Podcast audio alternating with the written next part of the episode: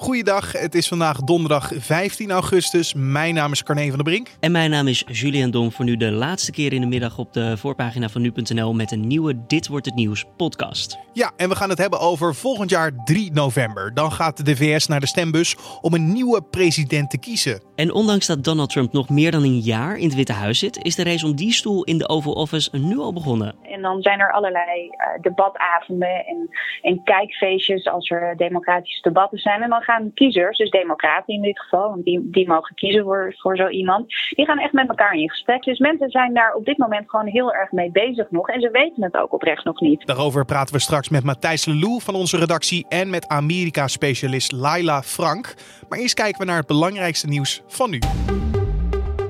De Verenigde Staten houden de vrijgave van een Iraanse olietanker die in Gibraltar aan de ketting ligt tegen. Dat zegt de regering van Gibraltar donderdag. De regering van het Britse overzeese gebied heeft een verzoek van het Amerikaanse ministerie van Justitie gekregen om de olietanker vast te houden.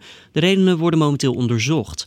De Britse marine nam de olietanker Grace One naar eigen zeggen begin juli in beslag omdat Iran probeerde olie naar Syrië te vervoeren. En dat zou gaan op een manier die in strijd is met EU-sancties. Deze actie zorgde voor woede vanuit Teheran. De economische groei zal in 2020 teruglopen naar 1,4% groei. Dat stelt de augustusraming van het Centraal Planbureau. Deze raming dient als uitgangspunt voor als het kabinet besluiten moet gaan maken over de begroting en de koopkracht voor volgend jaar. Verwacht wordt dat de werkloosheid in 2019 het laagste punt bereikt, maar ook volgend jaar nog uitzonderlijk laag zal zijn. De werkgelegenheidsgroei zakt door aanhoudende stijging van het arbeidsaanbod wel in 2020. De koopkracht zal ook in 2020 nog een positieve ontwikkeling doormaken als gevolg van de stijging van de reële lonen en in iets mindere mate beleidsmaatregelen. En er zal ook een overschot op de overheidsbegroting blijven. Dat verwacht het CPB. En dat overschot zal wel minder groot worden. Uit de autopsie van Jeffrey Epstein blijkt dat een multimiljonair een aantal gebroken botten in zijn nek en hals heeft. Die verwondingen kunnen zowel op ophanging als verwurging wijzen. Dat schrijft de Washington Post donderdag. Onder meer het tongbeen van Epstein zou gebroken zijn. Forensische experts zeggen dat het vaker voorkomt bij mensen op zijn leeftijd die zichzelf ophangen, terwijl andere deskundigen erop wijzen dat een gebroken tongbeen veel gebruikelijker is bij slachtoffers van verwurging. De autopsie zou zondag al zijn afgerond, maar er is nog weinig bekend over de precieze doodsoorzaak. Volgens officiële rapporten moet die nog worden vastgesteld. Het Rode Kruis en alarmcentrale Eurocross zien een stijging van het aantal mensen die knokkelkoorts oplopen in Aziatische landen. Dit jaar zijn 56 Nederlanders opgenomen vanwege de ziekte. Vorig jaar waren dit er nog 25 in dezelfde periode. Volgens het Rode Kruis zorgt het toenemende aantal gevallen van mensen met knokkelkoorts ervoor dat er in een aantal landen, zoals Bangladesh, een tekort is aan bloed, wat soms nodig is bij de behandeling.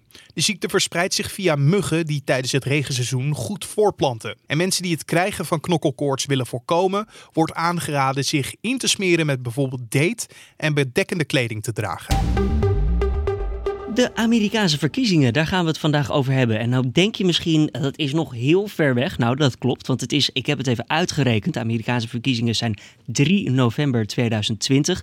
En dat is nog 446 dagen voordat, we zover, uh, voordat het zover is.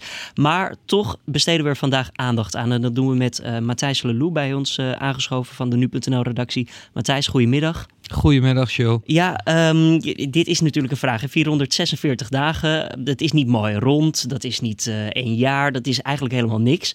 Waarom ben je dan toch bij ons hier aan tafel? Nou, Amerikaanse begrippen zijn we er eigenlijk al laat bij. Want uh, het is een beetje de gewoonte geworden dat de campagne voor de volgende verkiezingen begint zodra de uitslagen van de verkiezingen daarvoor binnen zijn. uh, we hebben natuurlijk gezien dat in aanloop naar de presidentsverkiezingen van volgend jaar, waar we het nu uiteraard over hebben, dat er een hele hoop democraten zijn opgestaan die, hun, die de kandidaat van hun partij willen worden om het straks tegen Trump op te nemen. En dat is het, hè? want de democraten die zijn nog een beetje verdeeld als het ware. Die moeten iemand naar voren schuiven. Ja. En ja, die spanning die komt nu eigenlijk al omhoog. Dat klopt. Er, zijn, er waren, ja, er zijn moet ik zeggen, want ze zijn er nog steeds. Er zijn meer dan twintig kandidaten Zo. die zich hebben gemeld. Heel veel. Ja, ja en we hebben net een aantal uh, debatten gehad uh, die op, uh, in, in de VS op landelijke tv werden uitgezonden. Waar telkens tien democraten op het podium stonden. Dus dat was een, een aardig groepsgebeuren. Volgens mij hebben we dat hier niet eens in Nederland met tien kandidaten tegenover elkaar. Als ik even denk naar de laatste Tweede Kamerverkiezingen.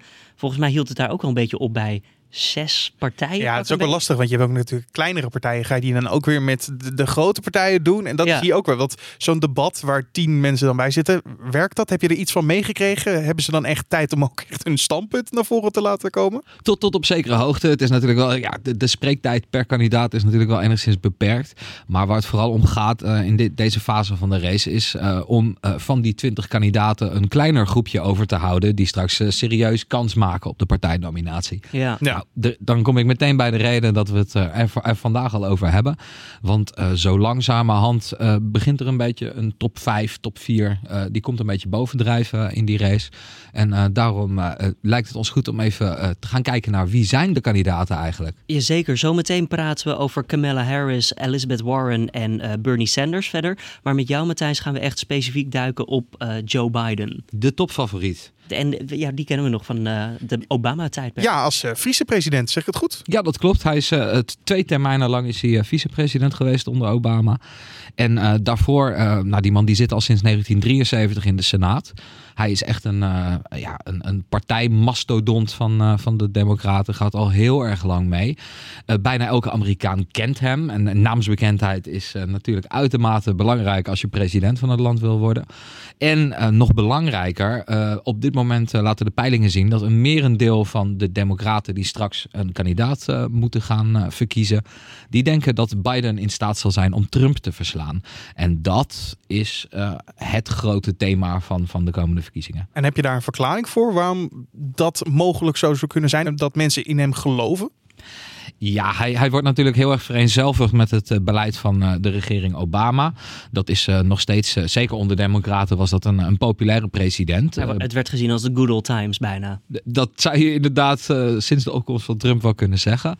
Eh, ehm, ja, Biden die, die was ook nauw betrokken bij de regering van Obama. Vicepresidenten zijn niet altijd even zichtbaar. Maar Biden was een zichtbare en ook populaire vicepresident. Wat ik zeg, die man die gaat al zo lang mee. Iedereen kent hem. Hij is ook een centrist. Eh, we hebben natuurlijk eh, de laatste tijd in de Democratische Partij gezien... dat de linkervleugel van de partij heel erg is opgekomen. Zeker met eh, de squad. Die vier leden van het Huis van Afgevaardigden... vier vrouwelijke leden van het Huis van Afgevaardigden van kleur... die vrij links zijn... Ja, die, die zijn natuurlijk in de, de oppositie tegen Trump krijgen die heel erg veel aandacht. Maar Biden is iemand die eh, veel grotere delen van de Democratische Partij aanspreekt. Meer de, de traditionele democraat. Als je dus in het center zit, dan eh, pak je ook misschien wat eh, republikeinen die twijfelen over Trump misschien mee. Dat, dat zou inderdaad goed kunnen. Biden die heeft ook in zijn politieke carrière heeft hij een aantal meegewerkt aan de totstandkoming van een aantal wetten, belangrijke wetten, die ook door beide partijen werden gesteund. Dus bipartisan laws. En, en ja, dat, dat biedt toch wel enige aanknopingspunten om ook eh, Trump-stemmers misschien over de streep te trekken. En dan zeg je, hij gaat al lang mee, want zijn leeftijd is ook wel een dingetje, toch? Het is niet de jongste kandidaat. Hij is 76 jaar oud. Eh, dat is misschien wel het eh, grootste obstakel voor zijn presidentschap. Want, nou, het is ook even de vraag hoe goed het precies met eh, meneer Biden gaat. Want eh, mensen die hem al heel lang volgen, die hebben in de afgelopen maanden zeggen ze dat hij, dat hij ja, een beetje flats overkomt. Hij is niet meer zo fel en zo vurig als voorheen. Hij is natuurlijk eh, een dagje ouder met zijn 76 jaar. Trump Hij heeft- is trouwens 73, hè? even te, Ja. tussendoor. Die is ook wat ouder. Trump lijkt wat jonger, denk ik. Hij, hij komt misschien wat, wat jonger over. Ja, Ja. eh, Maar sorry, Biden- ja, Biden? Biden heeft ook eh, in de afgelopen jaren heeft hij, in de familiesfeer eh, iets, heel iets heel tragisch meegemaakt. Zijn zoon die was eh, in de 40, die is eh, overleden aan een hersentumor. Dus dat is ook een klap waarvan politieke kenners zeggen van ja, misschien is toch wel zichtbaar dat dat hem niet eh, onberoerd heeft gelaten. En ja, het is de vraag in hoeverre hij straks echt een, een sterk front tegen Trump kan opbouwen. Als het met zijn eh, persoonlijke vaardigheden een beetje bergafwaarts gaat. Ja, want van welke vijver moet hij het hebben? Als we het hebben over in welke vijver hij vist dan qua kiezers? Dat is, dat is een hele brede vijver. Dat zijn de democraten die denken van nou we moeten iemand hebben die Trump moet verslaan. We willen misschien niet noodzakelijkerwijs iemand die hele radicale dingen roept. Eh, de linkervleugel van de partij, als je kijkt naar bijvoorbeeld kandidaten zoals Bernie Sanders en Elizabeth Warren. Die hebben radicale voorstellen. Die zeggen bijvoorbeeld we moeten een, een Medicaid for all. We moeten een zorgsysteem hebben waar eh, de zorgverzekering voor iedereen gewoon eh, nationaal geregeld is. Ja, dat gaat eh, Biden veel te ver. En zo zijn er wel, wel wat meer voorstellen waar Biden echt dichter bij het centrum zit. En, en dus de, vaardigheid heeft om misschien potentieel een, een grotere groep kiezers aan te spreken. Dan hebben we net Joe Biden besproken met Matthijs Lelou. Dankjewel Matthijs. Laten we doorgaan naar de andere kandidaten die kans maken. Bernie Sanders, Kamala Harris en Elizabeth Warren. Daarvoor hebben we aan de telefoon inmiddels Amerika-deskundige en journalist Laila Frank. Goeiedag uh, Laila. Goeiedag. Ja, laten we anders even beginnen met eh, Bernie Sanders. Een uh, oude bekende wel te verstaan, want we kennen hem nog wel van de vorige verkiezingen. Toen was hij de grote ja, uh, oppositiekandidaat van Hillary Clinton, zou je kunnen zeggen. Ja, dat klopt. En uh, hij is eigenlijk nooit weg geweest. Uh, en zijn achterban is ook nooit weg geweest. Want die zijn altijd boos gebleven op, uh, op de Democratische Partij. Dat Bernie Sanders het nooit geworden is. En je ziet ook dat die boosheid of die frustratie van toen. Maar ook het enthousiasme wat er dus nog steeds rondom Bernie Sanders heerst. Dat dat ook dit keer weer vol, in, vol in het ornaat staat. Ja, want waarom denk je dat Sanders het nog een keer wil proberen? Ja, nou, ten eerste hoogmoed, zou ik zeggen. Maar uh, gelukkig is er ook nog altijd zoiets als, als uh, politieke overtuiging. Kijk, uh, Sanders is, is een leven lang politiek actief geweest, senator uit Vermont. En hij wordt heel erg gedreven door de overtuiging dat het Amerikaanse systeem voor heel veel mensen, of überhaupt, dat dat systeem niet meer werkt. En hij noemt zichzelf een socialist. Hij is ook um, eigenlijk geen democraat, maar een independent. Dus iemand die onafhankelijk is. En zijn overtuiging is echt dat kapitalisme, dat kapitalistische systeem, dat werkt helemaal niet. We moeten het hele systeem omgooien. Er is een revolutie nodig. Uh, en we moeten dit hele land anders organiseren. En dat is voor hem zo'n ongelooflijk diepe drijfveer. Um, dat hij uh, van daaruit ook gezegd heeft: Dus ik ga het gewoon nog een keer proberen.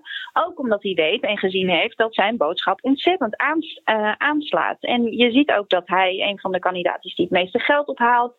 die ook de grootste organisatie heeft staan. Want dat is belangrijk in deze fase ook dat mensen je steunen, maar dat ze ook bereid zijn om geld voor je op te halen, uh, langs de deuren te gaan. En uh, um, dus dat steunt hem ook altijd heel erg. Het is echt een, een activist en een organizer. Dus hij heeft een enorm sterke uh, intrinsieke motivatie. Maar ook echt een hele grote fanbase die hem ook weer gemobiliseerd heeft. Je noemde hem al even een socialist. Kan je dan stellen dat hij de tegenpol is van Donald Trump? De grap is dat zij uh, eigenlijk dezelfde analyse van het land maken. Namelijk, het systeem werkt niet meer.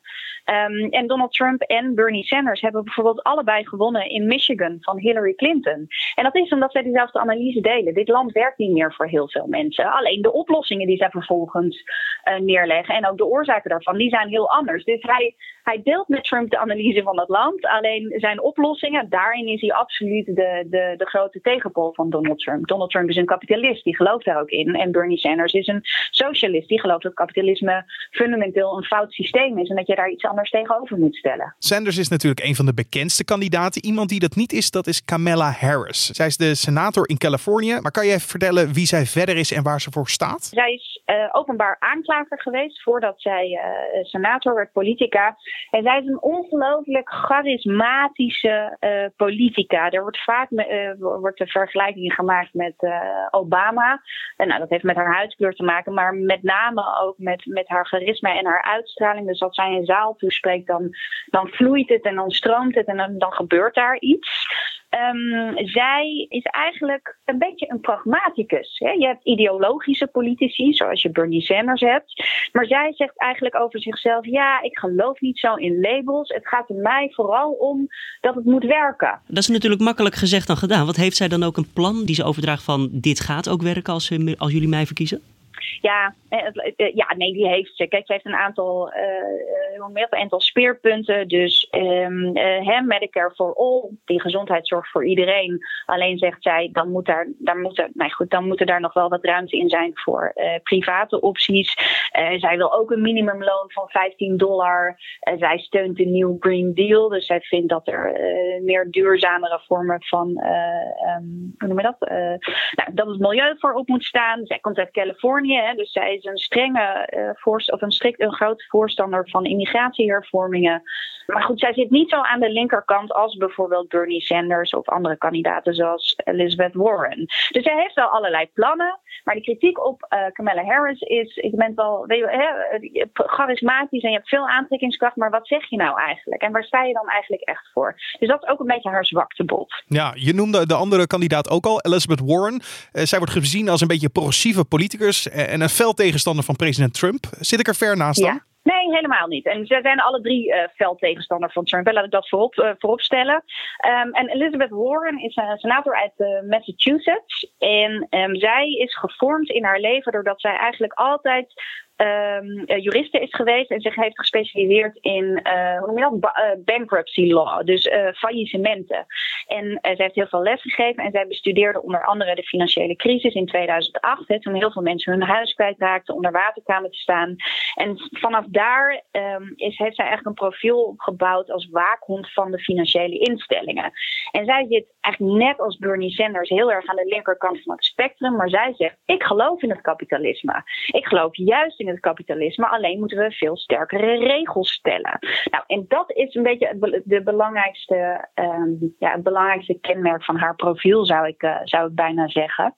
Um, en zij doet het heel goed onder hoogopgeleiden. Ze doet het goed onder de vrouwen. Ze doet het ook goed onder uh, kiezers met een ietsje hoger inkomen. of die ietsje beter zijn ingevoerd uh, in, in, in de politiek dan, dan andere mensen. Ja, hoe moeilijk gaat het uiteindelijk worden voor de Amerikanen om um, ja, tot één kandidaat te komen? Ja, daar moet ik een beetje van zuchten. Ja, verschrikkelijk moeilijk. Um, in die zin, kijk, het is nu, wat is het, augustus. Nou, in begin februari vinden de eerste voorverkiezingen plaats. En hoe werkt het ook alweer? Per staat in Amerika heb je voorverkiezingen en dan komt daar een kandidaat uit. En uiteindelijk telt dat allemaal op tot die uh, conventie in volgend jaar juli. En dan komt de kandidaat uiteindelijk naar voren. Dus het is sowieso een heel erg lang proces. In sommige staten is het heel makkelijk. Daar weten ze wel ongeveer wie ze willen hebben. Uh, ja, hoe moeilijk is het? Het is gewoon heel moeilijk, want er zijn heel veel kandidaten. Het, er vallen er zo langzamerhand beginnen er wel wat af te vallen.